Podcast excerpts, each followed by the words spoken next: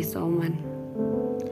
Hari-hari terselimuti dengan waktu yang berputar, seperti jarum jam dengan tempat yang terbatasan, ruang lingkup yang hanya terbatas dalam tempat keterbatasan, teman, sahabat, keluarga, pasangan hanya hadir dalam kejauhan dengan tempat yang terbatas.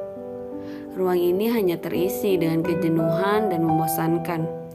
Dalam hari-hari yang kita jalani, malam hanya menunggu pagi, pagi hanya menunggu malam yang kita jalani dalam ruangan terbatas.